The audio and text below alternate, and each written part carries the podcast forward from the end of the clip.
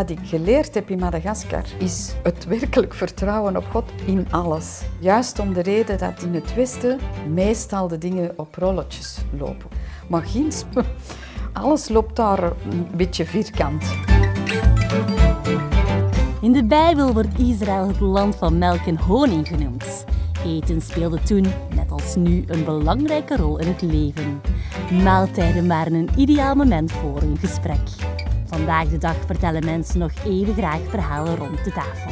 Ik koppel het nuttige aan het aangename en zoek praatgrage gasten op in hun keuken. Op het menu staan boeiende geloofsgesprekken terwijl we werken aan een hemels hapje. Ik ben hier net met de auto in Wilrijk toegekomen en ben onderweg naar Hilde Vlamings. Hilde, die in 1997 als verpleegkundige vertrok naar Madagaskar, is nu tijdelijk een aantal weken in België. Madagaskar is een eiland ten oosten van het Afrikaanse continent en 19 maal groter dan België. Het land van duizend zonnen kent een prachtige flora en fauna. Kortom, een echte droomlocatie. Maar toch zijn de omstandigheden daar allesbehalve aangenaam. Orkanen, extreme droogtes, sprinkhanenplagen en andere natuurrampen treffen meermaals het gebied. Het is ook een van de armste landen ter wereld. 75% van de bevolking leeft onder de armoedegrens van 1,65 euro per dag. En ongeveer de helft van de kinderen lijdt aan chronische ondervoeding. En dus wil ik te weten komen wat Hilde drijft om naar dit eiland te komen.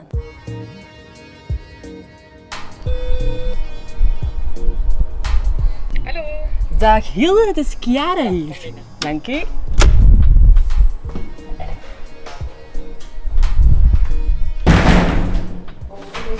Oh, het eerste. Ja, ja, ja. Er is geen lift. Och, één verdieping, dat moet nu toch nog wel lukken, hè? Ik denk het wel. Oké, Hilde. Hoe vaak kom je zo nog terug in België? Ik probeer eh, elk jaar terug te komen. En mis je het land dan ook echt? Ik mis België niet, maar ik mis Antwerpen wel. Ik ben eh, een echte Antwerpenaar. Dat kan ik niet onder stoelen of banken steken. Eh, wat ik ook zo wel mis, is eh, de gemakkelijke straten waar je gewoon in kunt rijden zonder in putten en door de modder en alles te moeten dabben. Ja. En ook dat het soms wel wat gemakkelijker gaat. Je moet niet bijvoorbeeld denken wanneer gaat de bus komen. In Madagaskar is dat natuurlijk wel anders. Dan ehm, kan het zijn dat je een uur, twee uur gemakkelijk ook een halve dag moet wachten eer dat je vertrekt. Oké, we zijn hier niet alleen om een beetje jouw levensgeschiedenis te achterhalen, maar ook om een klein gezellig hapje klaar te maken. En ik stel voor dat we daar toch mee starten en dan Ja. kunnen we onderwijl een beetje verder praten. Oké, goed.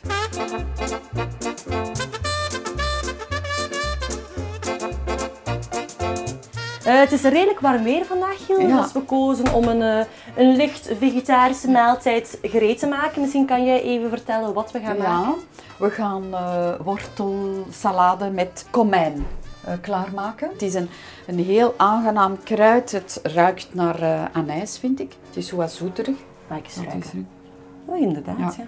Het is wel een speciale salade, want het is wortelen. En dan daarbij een sausje van honing en dan de komijn erin. Zout en peper en een beetje olijfolie, wat knoflook en peterselie. Heel eenvoudig Dus dus. eh, heel eenvoudig. Oké, ehm, dan zullen we er gewoon aan starten. Ja. Eh, beginnen we met het snijden van de wortels misschien? Ja.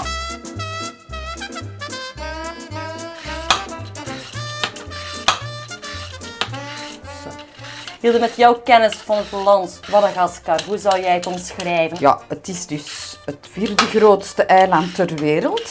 Het heeft een ehm, tropisch klimaat. Het ligt toch nog vrij dicht tegen de Evenaar. Oh, dat is geen schone wortel, die we niet pakken. het heeft nog een tropisch regenwoud.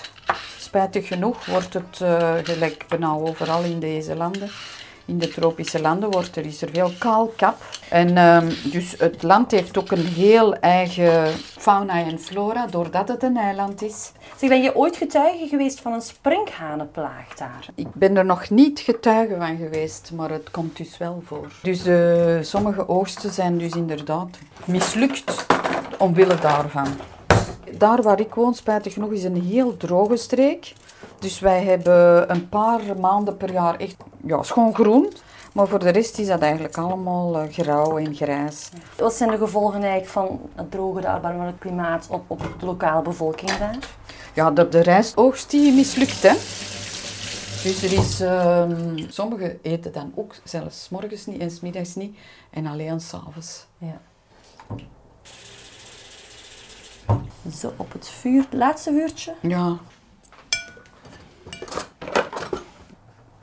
Ik las ook dat ziektes zoals de longpest en de builenpest, die hier in principe in het Westen al lang niet meer voorkomen, toch af en toe nog een uitbraak kennen in Madagaskar. Hè? Ja, er zijn nog altijd veel eh, ziekten die, zouden kunnen, die hier al uitgeroeid zijn. Polio bijvoorbeeld hebben we gehad. Uh, terug een, dat was eigenlijk uitgeroeid, ook in Madagaskar. En dat is teruggekomen. En nu hebben we onlangs dan de mazelenepidemie gehad. Hè. Ook te gevolgen van een slechte vaccinatiedekking. Ja, voor wie het nog niet duidelijk was, Hilde is verpleegster in Madagaskar. Dus daarom het ook zo heel veel gaan hebben over de gezondheid daar van de lokale bevolking. Uh, ik wil daar ook straks zeker verder op ingaan. Uh, maar misschien even terug naar onze wortelkomijnsalade. Want het is ook altijd leuk om toch een beetje een, bijbelse link te hebben in ons programma. Um, over wortels zelf vinden we heel weinig terug in de Bijbel.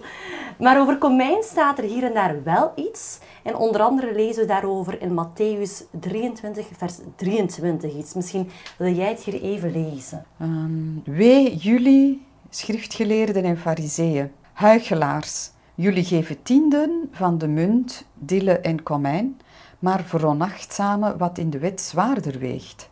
Recht, barmhartigheid en trouw, terwijl men het een zou moeten doen zonder het ander te laten. Ja, het is uh, duidelijk geen vers dat iets zegt over het belang van tuinkruiden of zo. Maar misschien kan je even proberen verklaren wat hier wel mee wordt bedoeld. In deze tekst gaat het over recht, trouw en barmhartigheid.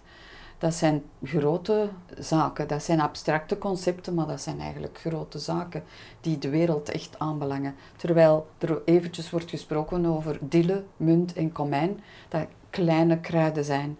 Dus eigenlijk is dat uh, om te laten zien, je moet niet alleen in kleine dingen muggenzifterig zijn, maar je moet eigenlijk de werkelijke waarde van het leven nastreven.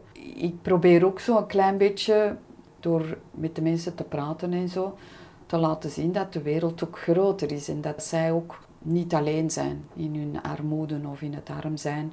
En dat ze ook iets kunnen betekenen, want uiteindelijk daar, voor mij draait het daarom de waarde, de waarde van de mensen. Onze ah. worteltjes stromen over. Ja, dus die zijn al aan het koken, de worteltjes. Dus een beetje het vuur ja, wel lager zetten. Moeten we een, een wekkertje of zo zetten terwijl?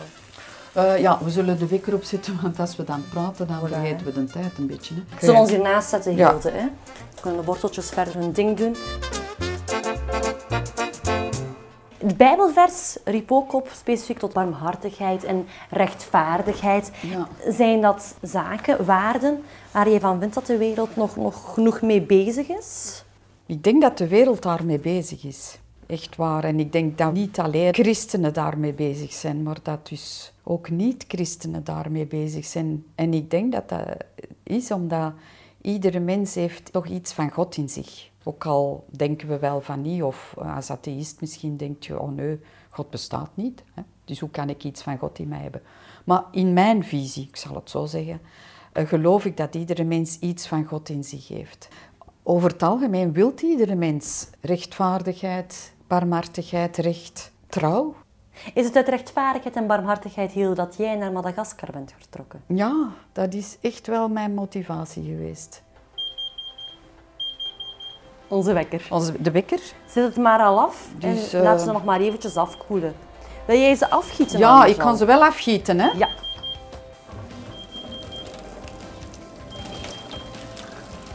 Voilà. Dan doen we er straks aan verder. If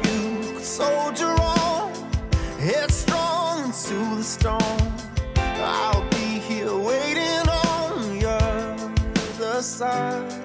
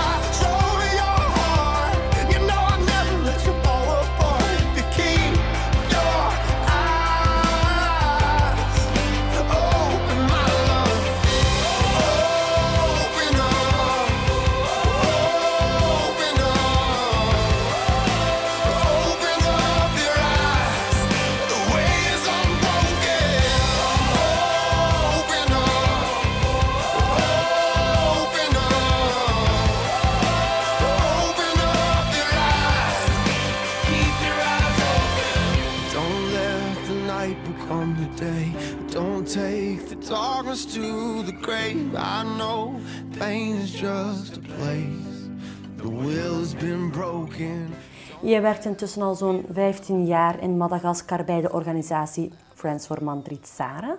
Ehm, vertel mij eens wat die organisatie doet en wat jij daar de voorbije jaren specifiek voor gedaan hebt en nu nog doet. Ja, dat is een niet-governementele organisatie die samenwerkt met Goed Nieuws Hospitaal. Dus het Goed Nieuws Hospitaal is meer dan een hospitaal ondertussen. Het is begonnen met een hospitaal, maar we hebben nu al veel meer. We hebben ook een radio, we hebben een school voor verpleegkundigen, we hebben ook een gewone school eh, en andere dingen. Eh, het is een medisch project toch wel in de eerste plaats. Het is eigenlijk begonnen door de, de Vereniging van de Baptistenkerken in Madagaskar. Om wat cijfers te geven, wij hebben maar eh, wij hebben 44 bedden. Ik ga niet zeggen wij hebben maar. Wij hebben 44 bedden. Groot kun je het niet noemen, maar het is effectief. We zijn heel effectief. Dus wij hebben een heelkundige afdeling, een geneeskundige afdeling. Wij hebben daarnaast een kraamkliniek, dat ook wel heel, specif- heel speciaal is voor in die streek. Ja, want je zegt die streek Mandritsara is de naam van dat gebied, toch? Hè? Ja, dus Mandritsara is de naam en van de stad, maar ook van de, het district. Dus het ligt eh, 400 kilometer ten noorden van de hoofdstad. Maar eh, we liggen eigenlijk maar 100 kilometer van de oostkust. Wij bedienen, als je dat zo kunt zeggen, een bevolking van 250.000 mensen. Lukt dat? Ja, dat zou nog beter kunnen eigenlijk. Wij vinden dat er nog meer mensen zouden kunnen komen. Je zei dat het een, een ziekenhuis was of een medisch project dat mede was opgericht vanuit de baptistische kerk daar eh, in de regio. Wil dat dan ook zeggen dat jullie een soort project hebben voor de mensen dat gratis is? Dat ook daarin voorziet? Of, of Gratis zien? is het niet, want dat is dus onmogelijk. Hè? Dus er, of je moet natuurlijk heel veel subsidies hebben. Maar wij houden de prijzen wel laag. We kunnen wel zeggen dat wij feitelijk rond een tiende zitten van eh, de normale prijs, omdat daar geen ziekenkas of zo bestaat. Hè? Dus de mensen moeten gewoon de volle pot betalen. Maar als jij wilt als ziekenhuis draaien, jezelf bedrijvend zijn, dan moet je dus heel hoge prijzen vragen en dan bereikt je natuurlijk de armen weer niet. En dat is eigenlijk heel ons discussie heel de tijd. In zekere zin willen we meer zelfbedruipend worden, maar dan moeten we de prijzen verhogen. Dus soms doen we wel een lichte prijsverhoging als we echt te veel zie dat we te, te, te slecht zitten. Maar gemiddeld gezien liggen jullie Ja, wel veel lager. Dan Dus het, het resultaat daarvan is dat, is dat wij niet zelfbedruipend zijn. Dus wij hangen af van subsidies vanuit het buitenland. Ja. Sowieso, wij zijn niet ehm, gesteund door de overheid. Wij zijn erkend door de overheid en we werken samen met de overheid, maar wij krijgen dus geen financiële steun. ja. Maar wij krijgen wel bijvoorbeeld de vaccinaties, want wij zitten mee in het vaccinatieprogramma. Nu, er verdwijnt altijd heel veel geld dat gegeven wordt in de zakken van, de, van privépersonen. Is Madagaskar een corrupt land? Ja, spijtig genoeg wel, hè. Wat, wat moet een, een persoon in Malagasy, Madagaskar gemiddeld afleggen van kilometers tot bij het eerste hospitaal te geraken? Dat kan tot 100 kilometer zijn. Hè. Dus voor sommige mensen is dat eigenlijk ook niet, bijna niet haalbaar. Ook vooral omdat de mensen, vooral op het platteland, die wachten veel te lang omdat het zover is. En dat is ook een kwestie van geld, omdat dat duur is om zich te verplaatsen. Dus er zijn veel mensen die eigenlijk sterven daardoor. Er is nog altijd een hele hoge sterfte. En ook bijvoorbeeld de moeders tijdens de bevalling, of juist na de bevalling, het is nog altijd een hele hoge sterfte. Het is ook soms zo, nog, er zijn sommige dorpen of streken nog echt een patriarchale ehm, samenleving. Dus de vader of de grootvader moet de Vrouwen mogen niet geven. zomaar alleen Nee, zij kan, reizen. zijn, zij kan niet zeggen van ik wil naar de stad. Zij hangt dan af van de, de mannen. En als die zeggen ja, het gaat niet, hè, om welke reden dan ook, dan kan zij niet komen. Kan je het vergeten Ja. als vrouw? Hilde, hoe, hoe zag jouw leven eruit voordat je in Madagaskar terecht kwam? Eh, dus ik ben katholiek opgevoed, dus in dat, eh, op dat gebied heb ik altijd graag aan ontwikkelingswerk willen doen. Toen ik 14 jaar was, dan weet ik heel goed, dat is zo'n een leeftijd die mij bijgebleven is, dan heb ik gezegd, ik wil naar Brazilië. En dan ben ik verpleegster geworden, al met dat idee. Uiteindelijk ben ik dan mij meer bewust geworden van mijn geloof. Hè. Dus als katholiek gaat, dikwijls gaat je nog naar de kerk met verjaardagen, nee, niet met verjaardagen, met huwelijken, begrafenissen, doop eh, of zo. Hè. Maar voor de rest, eh, ja, ik was dan ook in de katholieke jeugdbeweging. Maar God kwam er eigenlijk al langer hoe minder bij kijken. En het was meer zo dat eh, voor elkaar zorgen en zo. Dus dat heb ik altijd heel sterk gehad. Maar natuurlijk, door dan meer met God bezig te zijn, heb ik ehm, vanuit een andere dimensie dan ook ehm, gekozen uiteindelijk op mijn veertigste om dan naar het buitenland te trekken. Dus ik noem mezelf een late roeping. Ja, mag ik vragen hoe oud je bent nu? Nu ben ik 62. Ja, ja. Nu Door komt dat die relatie met God dan, dan veranderd is doorheen de jaren? Ja, omdat is- ik moet zeggen, in het katholiek geloof, ten eerste, ja, wij lazen de Bijbel niet. Er was wel de gewijde geschiedenis en zo, dus er, en de missalen. Maar wij waren niet gewoon om de Bijbel zelf te lezen. En ehm, door de Bijbel zelf te beginnen lezen, ehm, leert je God eigenlijk beter kennen. En leert je God in andere aspecten kennen. Dus ehm, dat, dat moet ik zeggen, dat is echt veranderd. Oké.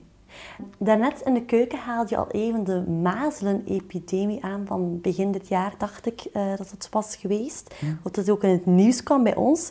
Er waren heel veel slachtoffers gevallen, eh, vooral onder kinderen. En er is sowieso al een grote kindersterfte in Madagaskar. Waar is God op zo'n moment? Ja, ehm, ik denk dat dat de grote vraag is van ons allemaal. Op dat moment stel ik mijzelf niet de vraag, waar is God? Maar ik stel mij meer de vraag, God help ons en help ons ook om het, om het beter te doen. Maar Dus- God heeft toch ook wel de macht om te kunnen ingrijpen als hij zou willen? Ja, en misschien heeft hij ook wel ingegrepen. eh, Het kon misschien nog erger zijn. Dat ook. Dus eh, ik moet zeggen, in, ineens op een gegeven moment kwam er een grootschalige vaccinatieprogramma op, eh, toch op poten. En eh grootschalige eh, vitamine A-uitdeling. Het zou ook erger kunnen zijn. Maar ik denk overal ter wereld zien wij dat gebeuren en dat God niet ingrijpt. Nu, ik ben hier natuurlijk niet om God te verdedigen, hè, want hij kan zichzelf wel verdedigen. Maar eh, voor mijzelf eh, maak ik dat zo uit. God geeft ons een vrije wil, ons mensen een vrije wil. En als die vrije wil niet gebruikt wordt ehm, om de andere mensen te helpen, dan moeten er andere, zullen er andere mensen door lijden. God is bij ons. God wil ons helpen. Maar hij laat dingen in ons leven gebeuren om, hem, om ons juist dichter bij hem te brengen. Om nog meer op hem eigenlijk ons vertrouwen te stellen. Moest ik mijn geloof niet hebben zoals ik het nu heb, dan, dan denk ik niet dat ik eh, dezelfde persoon zou zijn. Misschien dat ik toch wel meer verbitterd zou zijn in het leven. Dat denk ik wel. En veel meer nog teleurgesteld in het leven in het algemeen.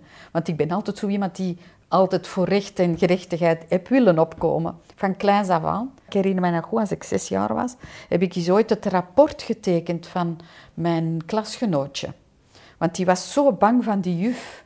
Ja, en die had haar rapport vergeten te laten tekenen thuis. In het eerste studiejaar was dat, hè. dus wij begonnen juist te schrijven.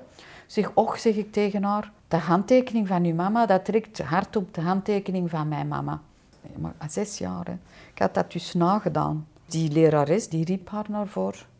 En ze zei, ehm, wie heeft uw rapport getekend? Ja, zei ze, mijn mama. Nee, zegt ze, ik zie dat dat niet uw mama is. Ja. Wij waren dan ook nog zo naïef van te denken dat dat, dat, goed nagedaan was. Maar die had dan zo'n schrik, dus die heeft dan gezegd dat ik dat was. Ik ben dan meegestraft geweest. Hè. Maar dat tekent een beetje eh, mijn, mijn, eh, mijn, mijn karakter een klein beetje. Zo van, ik wilde altijd maar opkomen voor, voor de zwakkeren. Alleen niet altijd, maar dat kwam een paar keer terug in mijn, eh, in mijn leven toch.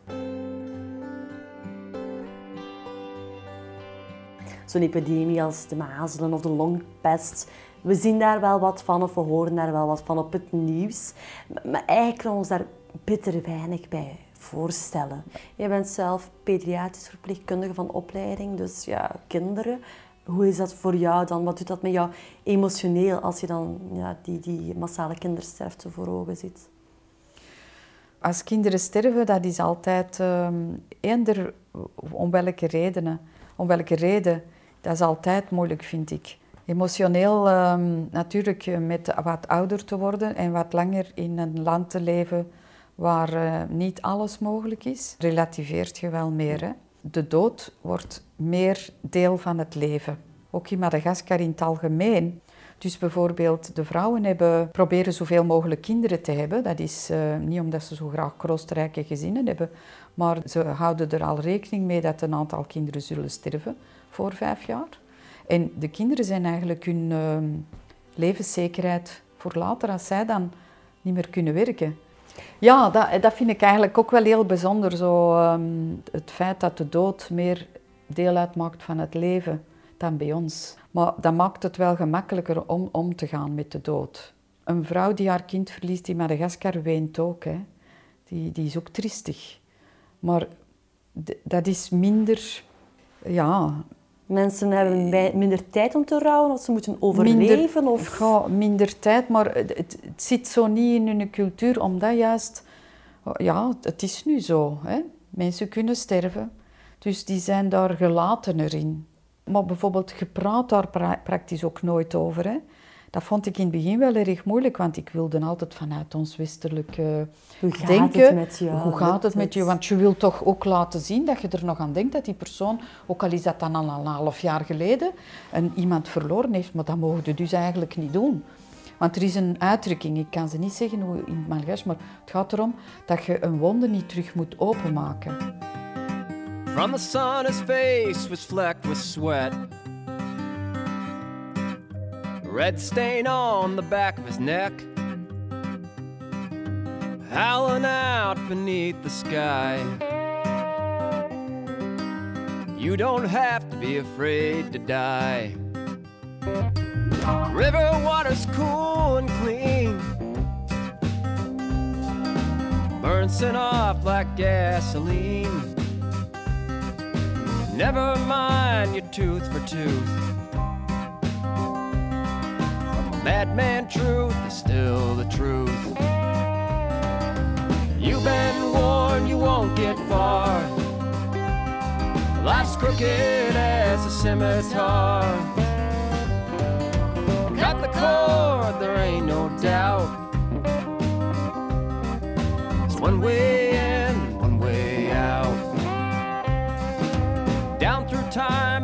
foretold. With tongues as hot as burnished coal.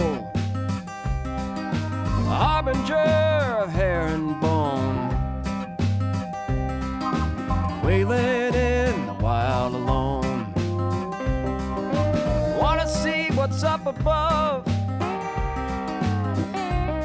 Then pledge your heart to the hanging judge.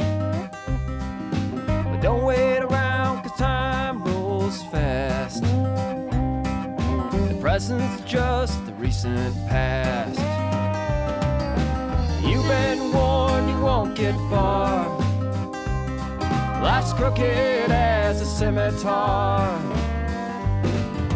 Cut the cord, there ain't no doubt. It's one way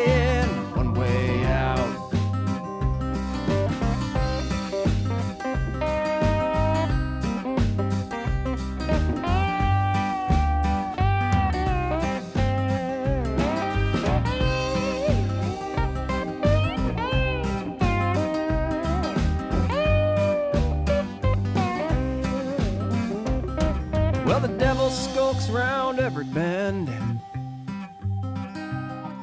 And a broken soul you cannot mend. Not till you raise repentant hands. And a thorn tree in the garden stands. His face was flecked with sweat. Red stain on the back of his neck howling out beneath the sky. You don't have to be afraid to die. You don't have to be afraid to die.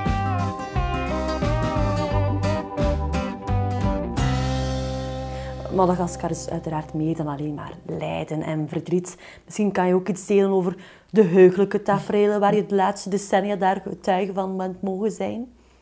De bevolking die zijn enorm optimistisch, enorm veerkrachtig. Maar die zeggen, kom aan, we gaan vooruit. En die hun eeuwige glimlach. Als je daar in het land komt, alle toeristen zullen dat zeggen. Die mensen die glimlachen altijd. Ook als die dus in, in de problemen zitten, of die arm zijn, of die... Eh, Ze glimlachen als een soort van masker of omdat ze het echt bewust menen? Nou, ik denk dat ze het echt menen. Wat ik geleerd heb in Madagaskar, is het werkelijk vertrouwen op God in alles. Juist om de reden dat hier in het Westen meestal de dingen op rolletjes lopen. Oké, ik weet, er zijn problemen ook. Hè. Ik wil dat niet eh, minimaliseren. Maar ginds moet je dus voor alles op God vertrouwen, want er, alles loopt daar een beetje vierkant. Ja. Dat loopt daar niet op rolletjes. En ik heb dat geleerd van de be- bevolking. Ik ga eventjes stoppen, Hilde, want ik denk dat wij terug moeten keren naar de keuken. Onze wortels zullen al lang afgekoeld Ja. zijn. Ja. Dus dan kunnen we onze wortelkomijnsalade afwerken. Oké, ehm, ja, dus we gaan al die dingen nu ondereen doen. je hebt hier alles al kom, hè. klaarstaan. En ik zie staan honing, komijn, knoflook, peterselie, olijfolie en peper en zout. Dat moeten Ja. we allemaal mengen. Ja, dus ehm, als jij dan kunt zeggen misschien Ja. hoeveel, Is goed. dan Zullen zal ik ja. dat in de kom doen. We zullen beginnen misschien met de honing. 1 eetlepel. Ja, Ja, honing is een typisch ingrediënt uit de Joodse keuken. Ah, ja, hè. oké. We gebruiken heel vaak honing. Voilà. Het zal wel best een zoete salade worden. Hè. ja. Ehm, dan een, een, een halve theelepel gemalen komijn. Ik zal er nog een paar in doen, want dat is nou wel heel lekker. Hè. Ja, ja, ja, we moeten het smaken. Hè. Anders geen wortel komijnsalade. Nee, het is dat, hè. het moet toch echt wel de, de komijn door doorsmaken. Voilà, hè. En vervolgens zout en peper. Dat gaan, staan daar, eh, ja, dat is een beetje naar smaak, denk ik. Hè. Dus we kunnen daar daarna nog altijd een beetje bij doen. Eh 1 vierde kop olijfolie. Ja, een beetje meer, hè. Ja, ja, ja. Zo, misschien.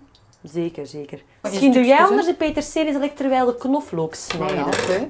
Ja. Is al een, ja. Twee teentjes.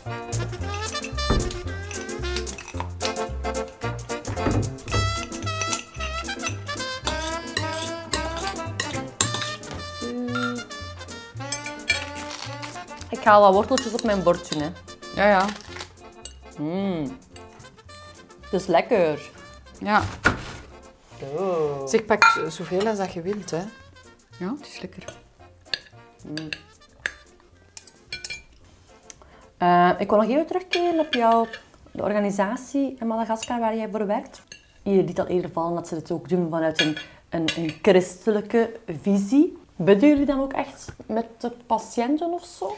Ehm, ja, wij bieden eigenlijk eh, regelmatig met de patiënten. Wij vragen dat ook. Mogen wij bieden met u? Hè? Dus we doen dat niet eh, geforceerd. Maar we vragen, mogen wij bieden bij- u? En de meeste mensen die aanvaarden dat wel.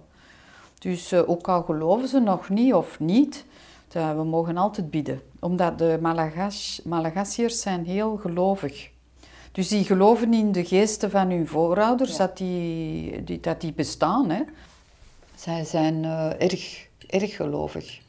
Maar het probleem komt te pas als je dus ehm, volgens de Bijbelse normen gaat leven.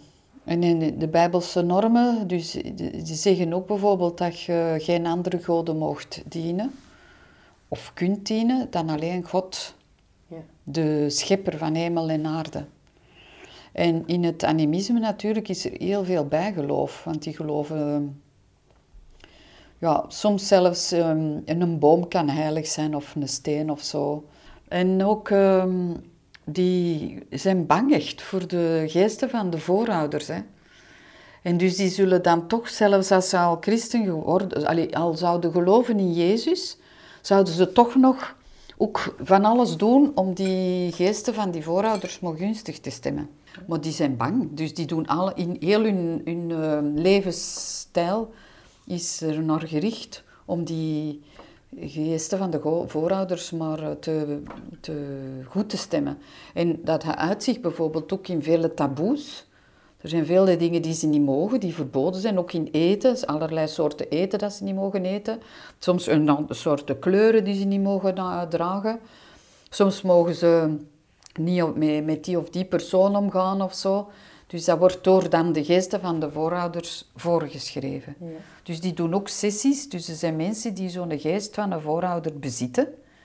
Je kunt eerder zeggen van dat de geest de mens bezit, Ja. dan dat de mens de geest bezit. Maar, eh, en dan ehm, gaan ze ja, in een soort trance om dan ehm, die geest op te roepen. En dan zegt hij wat dat ze moeten doen. Je gaat Ja, daar dat dan niet je als, niet. als christen naartoe van...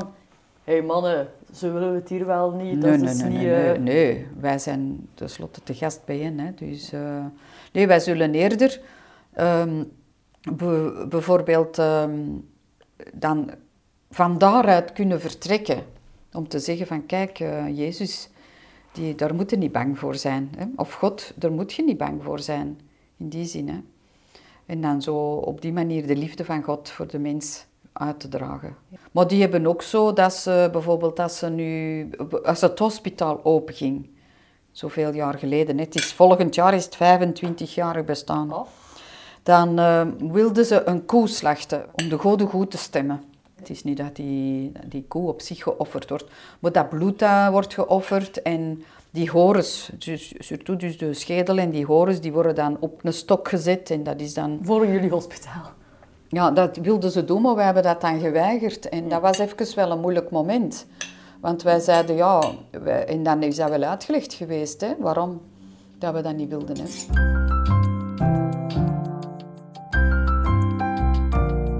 Maakt het ook eens persoonlijk? In, in, in welke mate betrek jij jouw eh, geloof in jouw werk? Eigenlijk heel de tijd. Maar want wat is mijn geloof? Mijn geloof is die relatie hebben met God. En ik ben eigenlijk heel de tijd ehm aan het ontbabbelen tegen God. Dus ik denk ehm, dat ik ehm, mij voortdurend van God bewust ben terwijl dat ik aan het werken ben. Dus ik zal heel rap een schietgebedje of zo doen. Dat is ook een echt katholiek gegeven, hè? een schietgebedje. En dat doe ik. Dus dat is in, in alles wat dat er gebeurt zo, ook eh, voor niet direct in paniek te geraken of niet direct te stresseren, te stressen of eh, niet direct eh, kwaad te worden. Op, want je ziet zoveel dingen rondom u. Dan een klein schietgebedje van Heer of God, help mij. Zo hè. help mij om kalm te blijven, help mij om dit, help mij om dat. Dus op die manier leef ik eigenlijk voortdurend in contact met God. Eh, voel, eh, weet ik dat eh, God de hele tijd bij mij is. En dat helpt mij ook om met, met problemen om te gaan. En als ik een situatie tegenkom, dan zeg ik, oké God, wat wilde jij mij hiermee leren? Of wat wilde jij hiermee met deze situatie? Wat is uw bedoeling hiermee? Oké. Ja. We zitten nu aan tafel met onze komijnsalade. Eh, ik wil daar ook even op terugkeren, op, op dat komijnkruidje. Ik, ik las dat komijn een, een traditioneel kruid was in de oude Romeinse keuken. En zij gebruikten gemalen komijn als broodbeleg, maar ook verwerkt in liefdesdrankjes. Eh, ze waren er namelijk van overtuigd dat het gebruik ervan zorgde voor een trouwe partner. Ah. Hilde, jij bent alleenstaand. Is dat een bewuste keuze of zijn er misschien momenten in je leven geweest dat je dacht, oh, nu zou ik ook wel zo'n liefdesdrankje kunnen gebruiken om de man van mijn leven te kunnen ontmoeten? Trek het even bij de haren. Ja, ja. Een bewuste keuze van tijd tot tijd wel, denk ik. Zelfs voordat ik er een relatie mee aanging. Dan ehm, ben ik altijd mij heel bewust geweest van het feit dat ik toch eerst iemand wou die ook dezelfde overtuiging als ik had.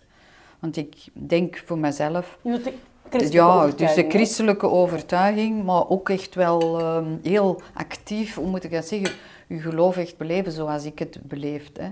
beleef. Dus zo, toch wel heel intens. Dus dat was eigenlijk wel eh, iets dat mij een paar keer heeft tegengehouden. Of, dus in die zin is dat soms wel een keuze. Maar ik moet zeggen, ik sta daar nog altijd open voor. Hè. Ik zie dat ook tegen God. Als je, als je wilt dat ik trouw, Ja. mij niet gelaten. Maar ik ben er niet echt naar op zoek. Dat moet ik eerlijk zeggen. Dat zeg ik ook voor de luisteraars. Of je krijgt plotseling allemaal verzoekjes. ik ben niet op zoek. Absoluut niet. Want ik denk ook, hè, voor mij, ook het leven is een passage. Nu, nu weer niet te filosofisch, hè, want als ineens de ridder, de prins van mijn dromen er staat, dan zal ik niet nee zeggen. Absoluut niet. Of de persoon waar ik van denk, ja, dat is nog voor mij. Voor de laatste jaren van mijn leven mee door te brengen.